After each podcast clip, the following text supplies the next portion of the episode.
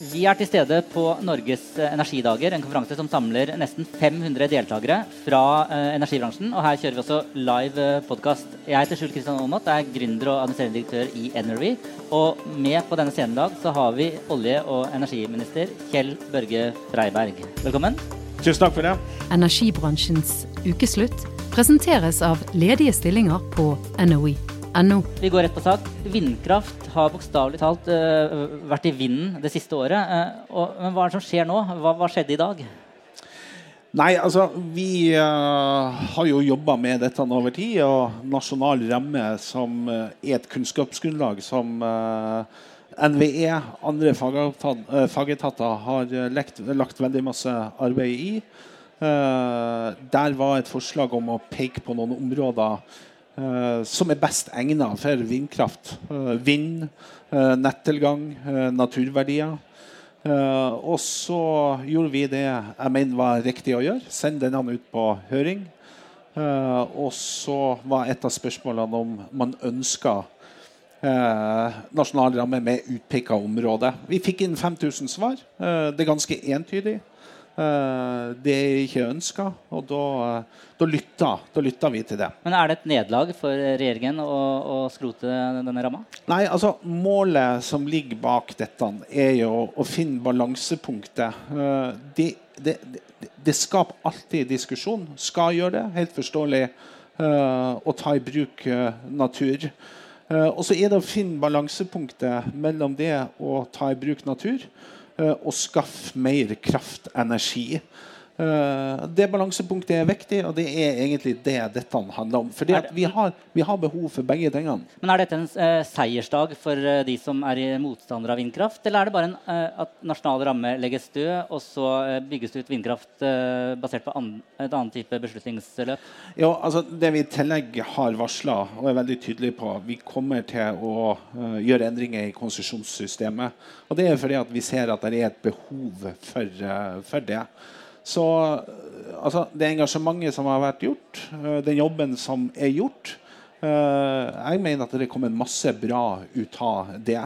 Og så kommer det til å bli bygd ut mindre vindkraft eh, i tida framover. Men det handler om alle de konsesjonene som nå realiseres, gitt av den forrige regjeringa og gitt av denne regjeringa. Energibransjens ukeslutt presenteres av ledige stillinger på NOE. Når vi ser i glasskula, så ligger der et kraftoverskudd uh, i det norske energisystemet nå.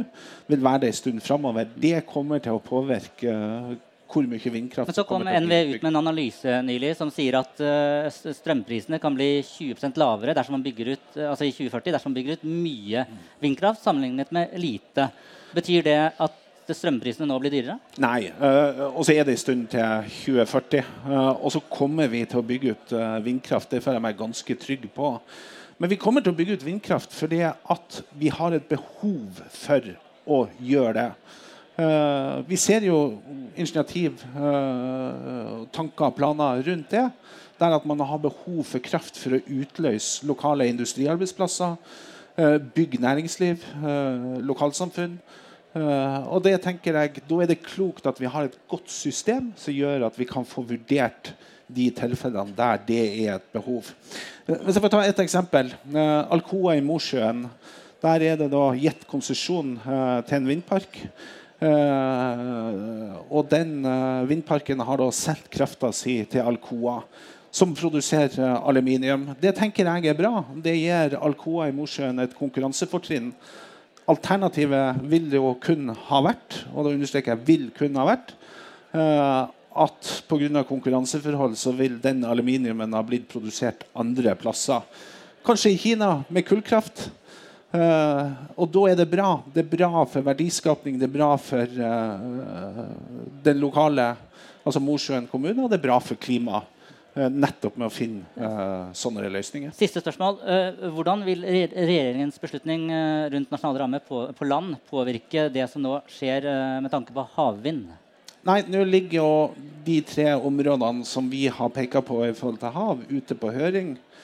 så er jo beviset på det vi har gjort i dag, mener jeg at når vi inviterer til debatt, spør om innspill, så evner vi også å lytte.